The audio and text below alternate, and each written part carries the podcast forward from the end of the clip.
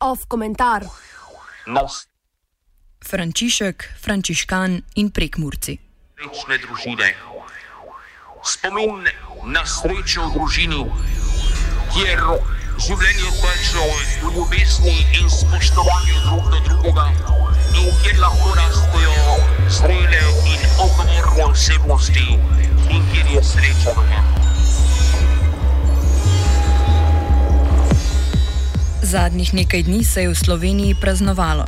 S kolonami proti Brezju v soboto v nebovzetje Device Marije, v petek pa predčasno včerajšnji praznik združitve prekmurskih slovencev z matičnim narodom. Dva na vides nepovezana praznika povezuje močna simbolika v govorih obeleževalcev. A najprej par besed o vrhovnem poglavarju Rimsko-katoliške cerkve.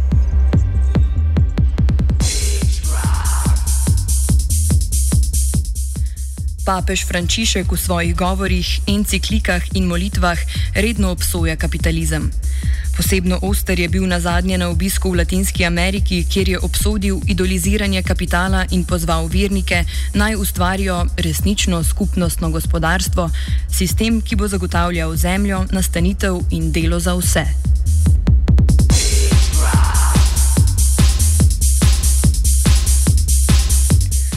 Polna usta skupnega so bila tudi dokaj svežega ljubljanskega načkofa Frančiškana Staneta Zoreta.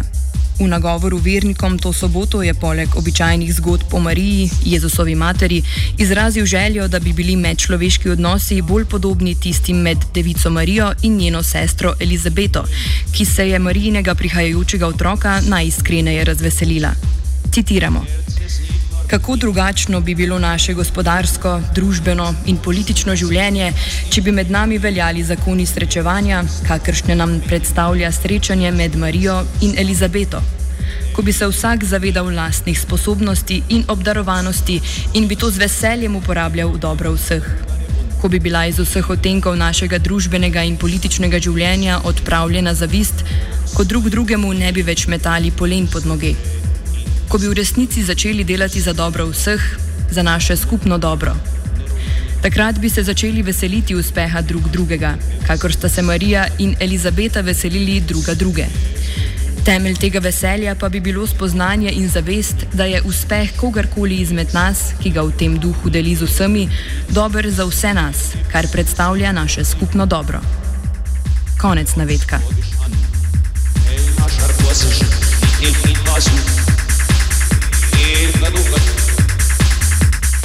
Načkofov govor o delu za skupno dobro in koncu zavisti se sicer zdi dokaj na liniji semi-marksističnega papeža, pa vendar je sporočilo, ko ga izluščimo, bližje nasprotnemu ideološkemu bloku.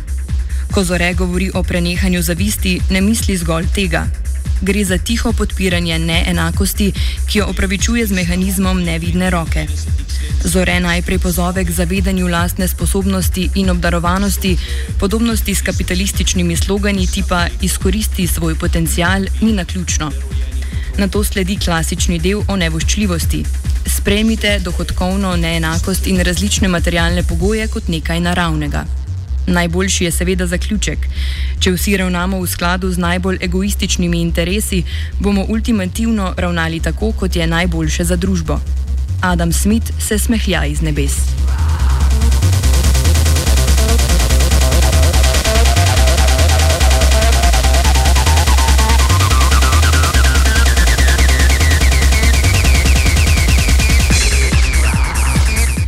Glede na to, da je Zoretov govor v nasprotju s trenutno paradigmo cerkve, se je logično vprašati, čemu služi. Pasivizaciji prekmurcev, seveda. Prekmurci so praznovali 96. obletnico združitve z matičnim narodom. Razlogov za praznovanje je seveda bolj malo. Župan Murske sobote Aleksandr Jevšek je tako izpostavil, da ima prekmurje dovolj tega, da je najmanj razvita regija Slovenije.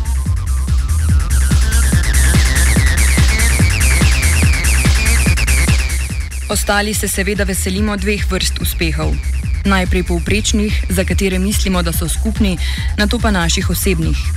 Medtem ko je majsko slovensko povprečje 12,3 odstotna brezposelnost, ko je v srednji Sloveniji brezposelnih 11 odstotkov ljudi, je v prekmurju brezposelnih kar slabih 19 odstotkov ljudi.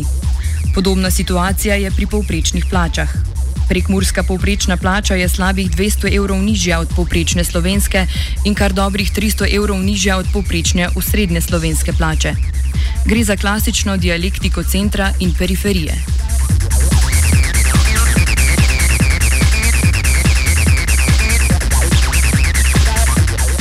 Ob pregledu statistike je torej morda na mestu nov zaključek. Govori in oziroma govori in druge vrste propaganda, ki pripomore k sprejemanju neenakosti, niso toliko namenjeni deprivilegiranim kot ljudem centra.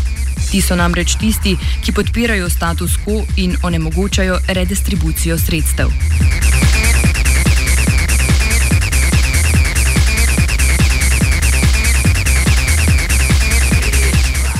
Z analizo je praznike obhajal Zupan. V imenu osmice, devetice in svete trojice ti dajem poslednji zakrament. Prejmi radio študent. Tisoče in tisoče mrtvih